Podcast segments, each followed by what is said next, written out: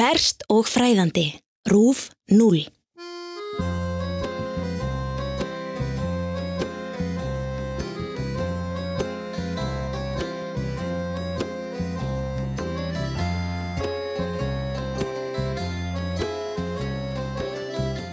Katsushisa Esaki var ný sestur ofan í baðkarið þegar tveir menn brutust inn á heimili hans.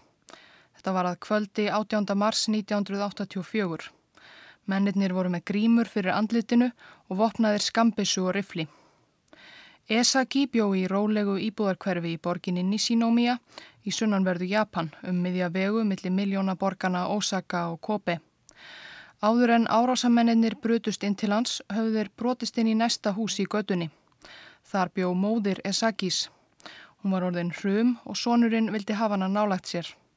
Grímuklætu mennir kepluðu gömlukonuna og stálu af henni liklunum að húsi sonarins. Þegar þeir voru komnir inn til Esakis rákust þeir á eiginkonu hans og sjö ára dóttur. Mennir yfirbuguð þær og kepluðu líka. Esaki heyrði þær rópa á hjálp þar sem hann var sem sagt ný sestur í baðkarið. Svo flúðu hinn tvö börnin hans þangað inn, logandi hrætt. Þau voru 11 og 4 ára gömul. Í rólegheitum skáru mennirnir á símalínutnar og brutu svo niður baðarbyggjishurðina. Fyrir innan voru Katsusisa Esaki og börnin tvö í nýbri. Esaki öskraði og skalf af geðsræringu. Mennirnir skipuð honum að róa sig niður eða þeir dræpu hann á staðnum fyrir framann konuna og börnin. Hann reyndi að bjóða þeim peninga fyrir að hafa sér brott. Hann sagðist geta bóðið þeim háar upphæðir fyrir að láta sig lausan. Katsusisa Esaki var ríkur maður. Hann var forstjóri Glíkó, einnar stærstu og helstu selgætisgerðar landsins. Glíkó var fjölskyldu fyrirtæki og hafði verið allt frá því árið 1922 þegar Afi Katsusisa Esaki byrjaði að selja heimagerðar karamellur í magasínverslun í Ósaka. Þegar þarna var komið sögu árið 1984 framleiti Glíkó súkulæðistikki, íspenna og öll mögulegu önnur sætendi og margar vörur fyrirtækisins nötu því líkara vinselda að þau voru óaðskiljanlegu hluti af æsku minningum um miljóna Japana. En grímuklætu mennirnir skutu við skollaeirum þegar forstjórin bauð þeim peninga. Hann var enn nakin eftir baðið þegar þeir bundan, drösluð honum upp í bíl og kerðu með hann á brott. Þetta var upphafið á einu furðulegasta sakamáli í sögu Japans.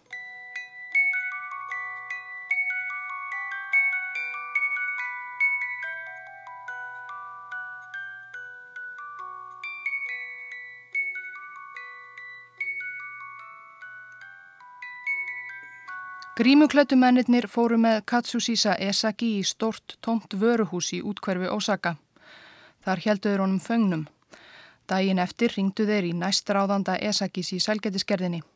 Þó þeir hafi fúlsað við peningum dægin áður, vildu þeir nú fá borgað lausnargjald. Þeir fóru fram á 1 miljard japanskra jena og 100 kíló af gullstöngum að auki. Þetta var fáránlega há upphæð, jáfnvel þó sælgetiskerðin væri ekki beint á flæðiskeri stött. Enguða síður var ákveðið að verða við kröfunum. Dægin eftir fór fulltrúi fyrirtækisins á umsaminn stað á vörubíl, hlöðnum gullstöngum og miljardi í seðlum. En ræningjarnir letu ekki sjá sig. Nýjar heldur Katsusisa Esaki nokkur staðar sjáanlegur. Forstjóran sá enginn fyrir en degi síðar, 21. mars, þremur dögum eftir að honum var rænt. Þá tókst honum að losa sig úr böndum mannræningjana og gætt lagt á flótta. Hann var ómeittur en slegin. Þetta var á rólegum velsaldartímum í Japan. Efnahagur landsins var á mikilli siglingu. Japanum hafði tekist að reysa landið við eftir heimstyrjöldina og það var orðið að efnahags stórveldi. Og þó Japan sé bæði fjölment og þjættbílt er glæpatíðnin þar lág, lægri en í flestum öðrum þróuðum löndum. Fregnirnar af mannráninu og forstjóra Glíkó vöktu mikinn óhug svo ofbeldisfull innbrot og mannrán voru afar fátíð í Japan. En þó Katsusisa Esaki hafi sloppið ómeittur úr prísund sinni, þá voru ræningarnir ekki enn úr sögunni. Landsmenn gáttu ekki andað letar alveg strax. Allra síst Katsusisa Esaki sjálfur. Málið var rétt að byrja.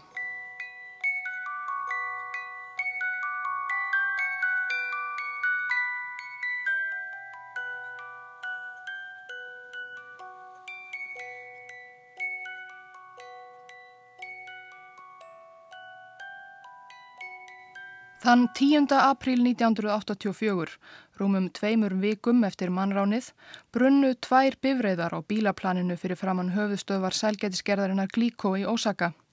Einhver hafi kveikt í þeim. Síðar var reynd að kveikja í einni versmiðju fyrirtækisins í borginni. Engan sakaði, en þetta voru furðulegir atbyrðir. Starsmenn Glíkó voru ótasleiknir, vildi einhver þeim ílt eða fyrirtækinu. Það hlautað vera tenging á milli íkveikjana og mannránsins en lauraglann hafðu litlu að móða.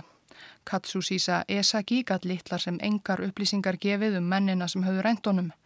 Dagana þrjá sem hann var í haldi höfðu reyningarnir alltaf verið með grímur á sér.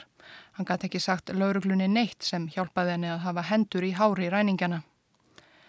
Lauruglan var því litlu nær þegar japanskum dagblöðum barst velritað bref í lok apríl sem stílað var á laurugluna. Það virtist vera frá mannræningunum. Kæru löggu heimskingjar, eru þið fíbl? Hvað eru þið að gera með allan þennan mannskap? Ef þið værið alvöru atvinnumenn, myndu þið gríp okkur. Fyrst þið eru svona fatlaðir, getum við gefið ykkur nokkrar vísbendingar. Bílinn sem við vorum á er grár. Við keiftum í matin á dæ eimarkaðnum. Ef þið getið ekki náð okkur eftir að hafa fengið allar þessar upplýsingar, þá eru þið bara að stela peningum skattgreðenda. Egu við kannski líka að ræna lauruglustjóranum? Í byrjun mæ barst svo annað velritað bref í svipuðum hæðnistón en í þetta sinn stílað á sælgætisgerðina Glíkó. Í brefinu stóðað vörur Glíkó hafi verið eitraðar með blásýru. Eitrað sælgæti væri þegar komið í hillur japanskra matvörubúða. Í fljótandi formi hefur þið baneitraða efni blásýra lengi verið vinnselt ef svo máð orði komast, óskimaður eftir því að valda sjálfum sér eða einhverjum öðrum skjótum döðdaga. Það var blásýra sem Adolf Hitler og Eva Braun og föruneyti þeirra innbyrtu í neðanjala í Berlín á síðustu dögum heimstyrjaldarinnar síðari og það var blásýra sem 909 liðsmenn bandaríska sértrúarsafnaðarins People's Temple drukku blandaða með greipdjús í Jonestown í Guayana í november 1978. Japanskir fjölmiðlar revíðu líka upp að aðeins tveimur árum áður, árið 1982, hafðu sjö látið lífið í Chicago og nákrenni í bandaríkunum eftir að hafa kleift Tylenol verkjalif sem reyndust innihalda blásýru. Einhver hafi komið flöskum með eitruðum Tylenol hilkjum fyrir í hillum apoteka en morðingin í Chicago hefur aldrei fundist þrátt fyrir umfangsmikla áralanga rannsókn. Hið óhugulega bref sem barst glíkó með yfirlýsingum blásýruna bar öll merki þess að vera frá þeim sem sendi fyrra brefið. Í þetta sinn fylgdi þó undirskrift. Sá sem skrifaði undir brefið kallaði sig Skrimslið með 21 andlit.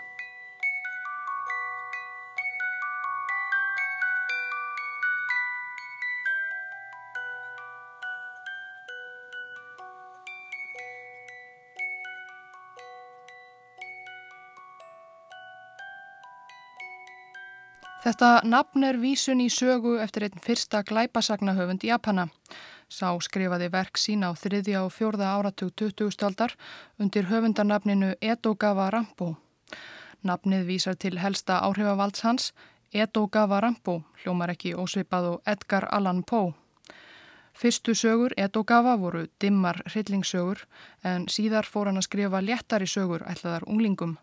Sögurnar fjalla um hóp snjallra pilta sem samanleisa erfið sagamál. Einn þeirra heitir Skrimslið með andlitin 20. Hún hefst svona. Upp á síðkastið í þessari borg sem kölluð er Tókjó, í hverju hverfi og hverju húsi, hvar sem tveir eða fleiri koma saman, þá er ekki talað um annað en huldumannin með andlitin 20. Hann þykir orðið jafn sjálfsagt umræðefni og veðrið. Andlitin 20 er dullnefni dularfullsræningja sem æsir dagblöðin á hverjum degi. Sagt er að hann hafi 20 algjörlega ólík andlit eða það er að segja hann er einstaklega slingur í að bregða sér í dularkerfi. Það skiptir ekki máli hversu bjart það er eða hversu vandlega þú horfir á hann. Það er ómögulegt að taka eftir klækjabröðum hans. Hann er eins og mismunandi persóna í hverju gerfi, segja menn. Gamall karl eða ungur maður yðnjöfur eða betlari, fræðumadur eða fáviti, já eða jafnvel kona. Þeir segja að hann geti algjörlega breytt sér í hvaða personu sem hann óskar. Og ekki einn einasti maður hefur séð það andlit sem er hans rétta andlit. og engin veit hversu gamall hann er í raun. Af þessum 20 andlitum veit engin hvert þeirra er það rétta. Já, kannski hefur þjófurinn sjálfur glemt sínu rétta andliti.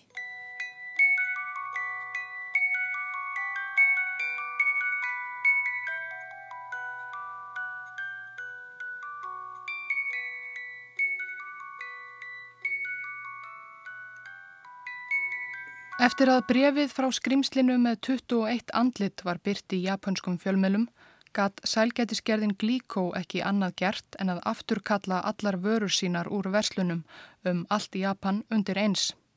Það var heljar mikil og kostnaðar sem framkvæmt en skára en að sælgætis neytendur létust unnvörpum úr blásýru eitrun. Þegar innkölluðu vörurnar voru rannsakaðar fannst þó korki tangur nýja tétur af blásýru eða öðru eitri. Engar fregnir bárust heldur af því að nokkur hefði dáið eftir að hafa bitið í eitraðan selgætismóla. En fyrir Glíkó var skaðinn þegar skeður. Sala á vörum fyrirtækisins hrundi og jafnvel þegar vörur Glíkó snéru aftur í hillur japanskra matvöruversluna vildu fáir eiga þá hættu að býta í konfektmóla með blásýru. Salan hrundi, öll framleiðsla hætti um tíma og fyrirtækið tapaði gríðarlegum fjármunum. Að lokum var Glíkó að segja 450 manns upp störfum um tveimur þriðju af öllum starfsmönnum fyrirtækisins. Næstu dag á vikur heldu áfram að berast brefa á lauruglustöðvar í Ósaka og nágræni til dagbladana og beint á skrifstofur Glíkó og undir þau öll skrifaði skrimslið með 21 andlit. Brefin voru flest umsveiflaust byrt í dagblöðunum Þau hættust bæði að glíkó og að lauruglunni sem enn hafði litla hugmyndum hver eða hverjir stæðu og bakvið þetta allt saman. Mannránið, hótanirnar, brefin og alla þessa undarlegu atbyrði undanfærina vikna. En þann 27. júni barst dagblaði nokkru í Ósaka en eitt brefið. Kæru aðdáendur okkar út um allt land. Við erum ánægðir. Forstjóri Glíkó er búin að hengja haus nógu lengi. Nú viljum við fyrirgefa honum. Í hópnum okkar er einn fjögur ára, hann grenjar um glíkonami á hverjum degi. Við höfum heldur ekki fengið okkur glíkonami lengi og við sem borðuðum það einu sinni stöðugt. Það er svo leiðilegt að græta krakkan bara því hann fær ekki nammið sem hann elskar. Við erum alveg í rusli. Það veri frábært ef við gætu nú öll fyrirgefið glíkó og búðirnar farið að selja nammið þeirra aftur. Lauruglan hefur verið dögleg, haldið áfram og ekki gefast upp. Já, vel Sherlock Holmes gæti ekki náð okkur. Skrimslið með 21 andlit. Sjáumst í januar á næsta ári. Eftir þetta hættu breyfasendingarnar eins óvænt og þar hafðu byrjað. Starsmenn og eigendur selgætisgerðarinnar Glíkó gáttu loksins andaði léttar. Hver það var sem hafði ofsótt fyrirtækið virtist hafa hætt eða allavega tekið sér pásu. En skilabúðin í lokin vöktu þó ugg. Sjáumst í janúar á næsta ári hafði skrimslið skrifað að skilnaði og þegar allt kom til alls þurftu landsmenn ekki einu sinni að býða fram yfir áramót eftir næstu fregnum frá óvættinum. Því þann 8. oktober 1984, einungisum þremur mánuðum síðar, byrtu dagblöðin nýtt bref. Kæru mæður um allt Japan. Á haustin þegar matarlistin er mikil er sælgættir sérstaklega gómsætt og þegar maður hugsa um sælgætti þá hugsa maður sama hvað þið segið um Morinaga sælgættiskerðina. Við erum búin að bæta við sérstöku bragði. Blásýra er svo litið bitur á bragðið en hún skemmir ekki tennurnar svo kaupið endilega nammi handa börnunum ykkar. Við erum búin að koma fyrir 20 kössum í búðum um allt land. Nú beindust sjónir skrýmslisins sem sagt ekki lengur að Glíkó, heldur að einum af keppinautum Glíkó, fyrirtækisins Morinaga, sem er ein af eldstu selgætiskerðum en starfandi í Japan. Þó í fyrraskiptið hafi engin blásýra fundist í namminu frá Glíkó gáttu yfirvöld ekki annað en tekið hótanir skrýmslisins alvarlega. Vörur Múri Naga voru innkallaðar og rannsakaðar. Í þetta sinn hafði skrýmslið staðið við orðsín. Það fannst blásýra í 14 kassum af Múri Naga súkulaði í matvörubúðum í Ósaka og nákrenni. En skrýmslið hafði líka staðið við það að umbúðir eitraða namisins voru sér mertar með límiða sem ástóð einfallega varúð blásýra. Blessunarlega neytti því engin eitraða salgætisins og engan sakaði. Móri Naga tapaði gífurlegum fjármunum og lauruglumenn voru engu nærum hver stæði á bakvið skrýmslið með 21 andlit, hver eða hverjir og hvers vegna í óskupunum.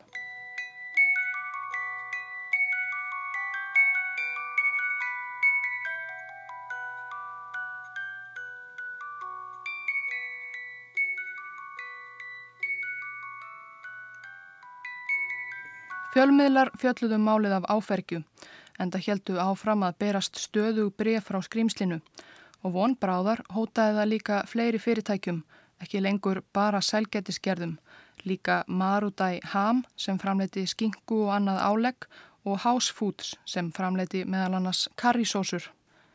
Þannig held þetta áfram ennum sinn en fór svo smátt og smátt að fjara út. En hver stóð eiginlega á bakvið þetta? Mörgum hafði á sínum tíma þótt grunnsamlegt hversu öðuveldlega Katsusisa Esaki, forstjóra Glíkó, virtist hafa tekist að sleppa frá hennum harðsvíruðug mannræningum á sínum tíma. Var Esaki kannski sjálfur í slagtói við ræningana? Gat verið og þetta væri tilraun til einhvers konar verðbreyfasvika. Glíkó reys á endanum úr öskunni og er í dag aftur orðið eitt af farsælustu selgetiskerðum Japans. Esaki er enn forstjóri en korki hann nýja fyrirtækið grættu mikið á ofsóknunum. Og enn fleiri kenningar voru á kreiki. Margir komist að þá skoðun að bakvið skrimslið með andlitin 21 hliti að standa hópur vinstri öfgamanna. Öfga vinstri sinnaðir stúdendar höfðu farið mikinn í Japan á 7. og 8. áratöynum og margir þeirra hafðu ekki výlað fyrir sér að beita ofbeldi til að berjast fyrir málstað sínum, staðið fyrir ofbeldisfullum mótmælum, morðtilraunum og hriðiverka árásum. Öldurnar hafði lægt síðan en margir öfgamannana hafðu ekki enn gefið baráttuna upp á bátinn. En hókruðu til að mynda nokkri liðsmenn öfgasamtaka sem kölluðu sig japanska rauðaherin í Palestínu þangað sem þeir höfðu flúið fyrir meira en áratug og skipulöðu en hriðjuverka árásir af og til. Kanski voru gamleir skoðanabræður þeirra bakvið skrýmslið með 21 andlit sem höfðu valið aðra á talsvert óvænulegri leið til að berjast gegn auðvaldinu og neysluhyggjunni sem hafði líklega aldrei tröllriðið Japan eins og hún gerði nú á þessum uppgangs árum. Kenningar um skrýmslið skorti því ekki en engar þeirra var hægt að sanna. Í enn einu brefinu hendi skrýmslið gaman að þessu öllu saman. Kæru glæpasagna aðdáendur. Hverjir erum við eiginlega? Stundum erum við lauruglumenn, stundum erum við ofbeldisgengi, stundum verðbreyfasvindlarar, stundum bladamenn, stundum mótorhjólagengi, stundum járnbröytarstarfsmenn, stundum radioamatörar, stundum brefberar, stundum verkamenn, stundum mannræningjar. En okkar rétta andlit er skrimslið með 21 andlit.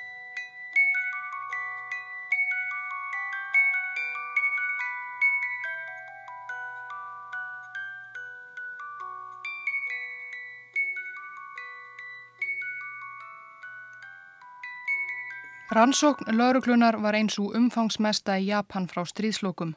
Alls unnu meira en 1300.000 lauruglumenn í fimm umdæmum að málinu. Lauruglu bárust 28.000 ábendingar frá almenningi á meðan rannsókninni stóð og 125.000 manns voru yfirherðir vegna málsins. Allt bar þetta lítinn sem engan árangur.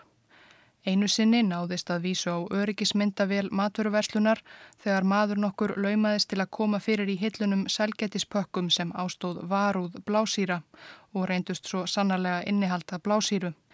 Myndirnar úr öryggismyndavélinni byrtust aftur og aftur í sjónvasfréttum og dagblöðum en það bar engan árangur. Maðurinn huldi andlit sitt gömgefilega undir derhúfu mertri hafnaboltaliðinu Yomiuri Giants í Tókjó. Þetta hefði geta verið hver sem er og allan þann tíma sem skrýmslið með 21 andlit háði stríð sitt við japanska sælgætisframleðendur krafði það fyrirtækin sem það beindi sjónum sínum að á hverju stundu reglulega um háar fjárhæðir sem einskonar lausnar gjald til að hætta ofsóknunum. Hverri slíkri kröfu fylgdu ítarlegar leðbenningar um hvar og hvenar starfsmenn fyrirtækjana ættu að láta peningana af hendi. Yfir leitt voru það svimandi háar fjárhæðir en öll vildu fyrirtækin forðast örlög selgetisgerðarinnar glíkó með öllum mögulegum leiðum. Aftur og aftur fóru lauruglumenn dölbúnir sem starfsmenn selgætiskerðana á réttan stað á réttum tíma, hlaðinir seðlum eða guttstöngum eða hverju sem skrimslið hafði nú farið fram á. Og aftur og aftur var það þó til einskis. Engin let sjá sig til að taka á móti fjármununum. Kröfurnar virtust bara vera enn einn leið skrimslisins til að hæða stað og leika á fyrirtækin og lauruglu. Einu sinni var lauruglumadur, dölbúinn sem starfsmaður skinkuframleðandans Marudæ, sendur á aðalbröytarstöðuna í Kyoto, þar sem hann átti að skilja eftir póka með 50 miljón jénum þegar honum var gefið ákveði merki. Allt var þetta samkvæmt fyrirmælum úr brefi frá skrimslinu. En ekkert merki var gefið. Á meðan lauruglumadurinn beigð á hjáttbröytarstöðinni tók hann eftir manni sem virtist fylgjast með honum úr fjarska. Maðurinn var hávaksinn með stutt hár og glerugum. Augun í honum voru mjó og augnaráðið nýstandi. Lauruglumadurinn lísti því þannig að maðurinn hefði verið með augu eins og refur. Teikning af manninum var síðan byrt í öllum fjölmjölum en hverki fannst maðurinn með refa augun eins og hann hefur æsíðar verið nefndur. Að kvöldi þess 14. november 1984 fóru löglumenn í síka héræði á samt starfsmönnum matvælafyrirtækisins Food með 100 miljón jen í seglum á ákveðu útskota á þjóðveginum fyrir utan héræðshauðborgina Otsu. Þar áttu starfsmennir að láta fjeða af hendi til að hlýfa Food við örlögum Glíkó og hinna fyrirtækjana sem höfðu þegar orðið fyrir barðinu og ofsóknum skrimslisins með 21 andlit en enn og aftur let enginn sjá sig. Það var ekki fyrir en lauruglumennir snýru aftur á lauruglustöðina að þeir fréttu að klukkustund áður hafði starfsbróðir þeirra og breytt vegalöka tekið eftir grunnsamlegum stationbíl sem stóð við vegarkantinn. Það var orðið dimt og vegalökan lísti með vasaljósinu sínu inn í bílinn. Í bílstjórasætinu satt hávaksinn maður með stutt hár og mjó nýstandi augu. Hann virtist vera að tala í einhvers konar talstöð. Maðurinn í bílnum brást ókvæða við þegar hann sá laurglu þjónin, flýtti sér að setja bílinn í gang og brunaði burt. Af lýsingum laurglu þjónsins var augljóst að bílstjórin var maðurinn með refaugun. Hann hafði rétt svo runnið lauruglunni úr greipum. Þetta var í annað og síðasta sinn sem sást til hans.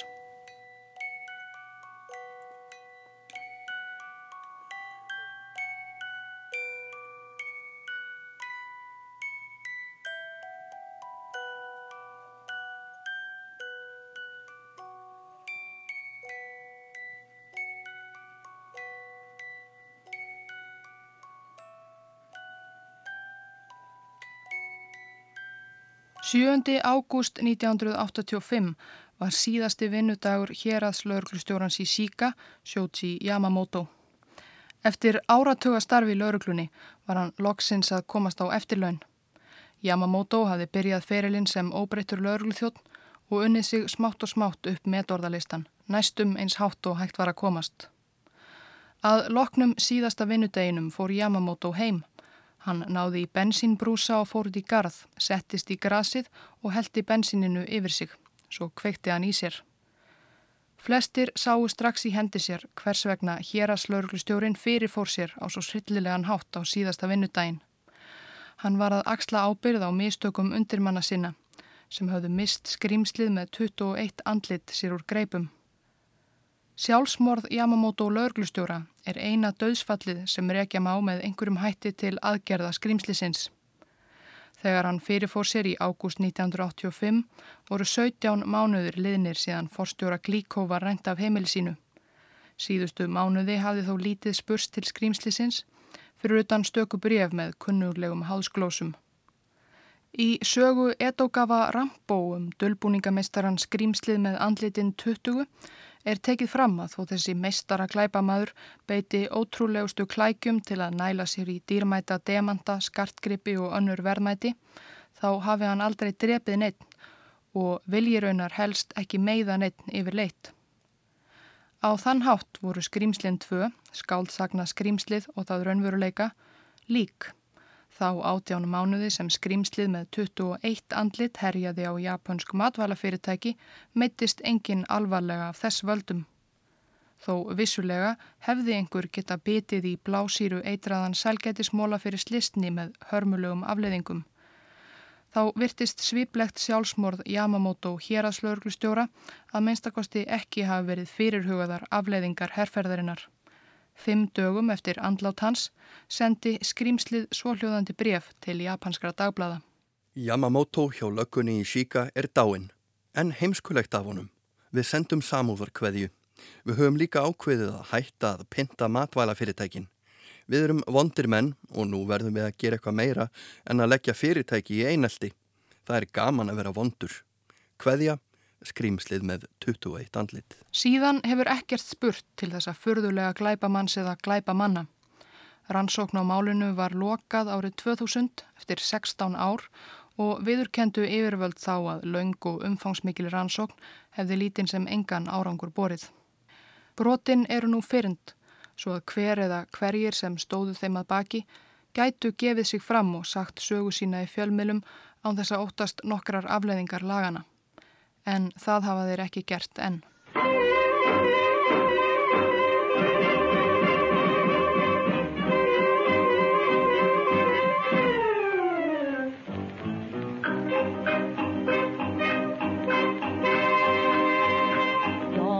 Sakarawa tanjilo uchiwa tenya wanya no sawagi 盆と正月一緒に来たようなてんてこまいの忙しさ何が何だかさっぱりわからずどれがどれやらさっぱりわからず何も聞かずに飛んでは来たけど何を買うやらどこで買うやらそれがごっちゃになりましてわてほんまによいわんわ。わてほんまによいわんわ。様の日曜サンデーというのに何が因果というものか。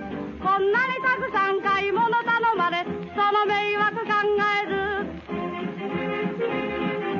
あるものないもの手当たり次第に人の気持ちも知らないでわてほんまによいわんわ